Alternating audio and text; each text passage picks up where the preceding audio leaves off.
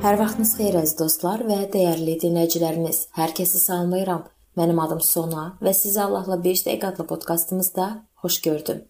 Bu gün biz bağışlamada azadlıq mövzusunun sonuncu hissəsini araşdırarıq.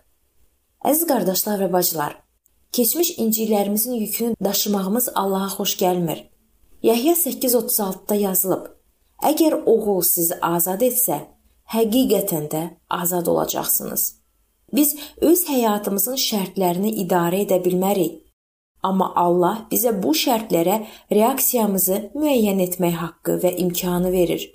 Biz keçmişdəki inciliyimizin ağrısını çəkməyə davam edə bilərik, ya da günahkarı buraxmağı seçə bilərik.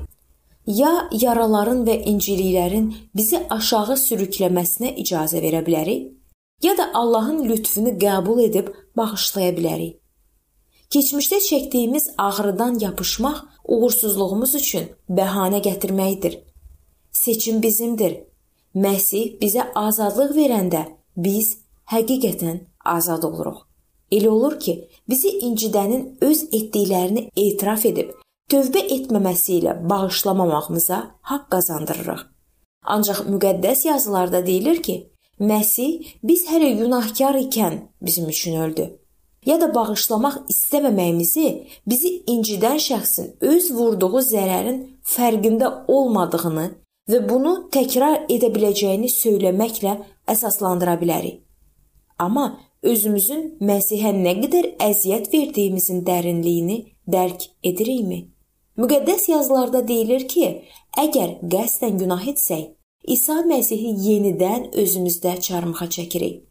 Qardaşımızı bağışlamaq istəməməyimiz bir daha günaha batacağımızı bilsə də, bizi sevən və bağışlayan İsa Məsihin əllərinə və ayaqlarına çəkiclə mismar vurmağa bərabərdir. Bizim üçün Məsihin nümunəsindən daha yaxşı bir nümunə yoxdur. Günahsız olmasaq da, müqəddəs ruh bizə onun surətində böyümək üçün güc verir. Məsihin bağışlamasının bir cəhəti də Zəbur 103 10-12-də göstərilmişdir.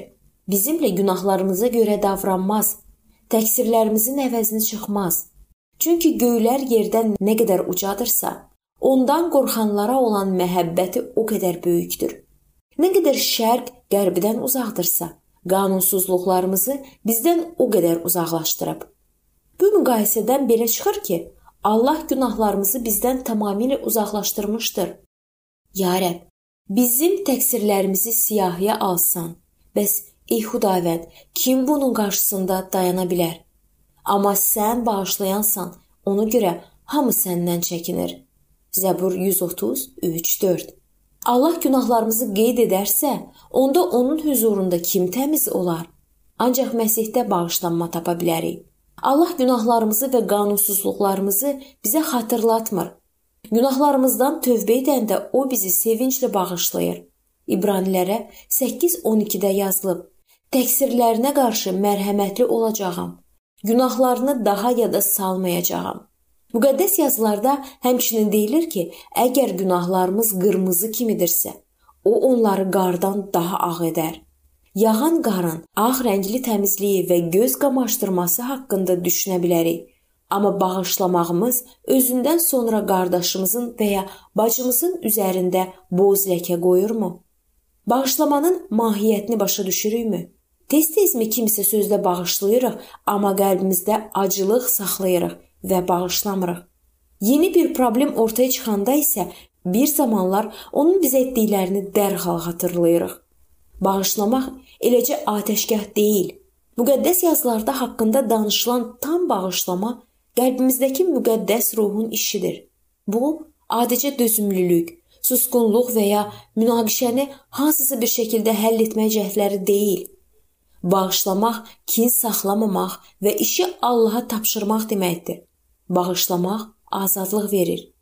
Qeyd etmək lazımdır ki, İsa Məsih bizə dua etməyi öyrədərkən bağışlamağı da öyrətdi. Bizə borclu olanları bağışladığımız kimi bizim borclarımızı da bağışla. Tez-tezmi dayanıb düşünürük. Rəbbin məni başqalarını bağışladığım kimi bağışlamasını istəyərəmmi? Başqalarını ürəkdən bağışladıqda əsl azadlığa qovuşuruq.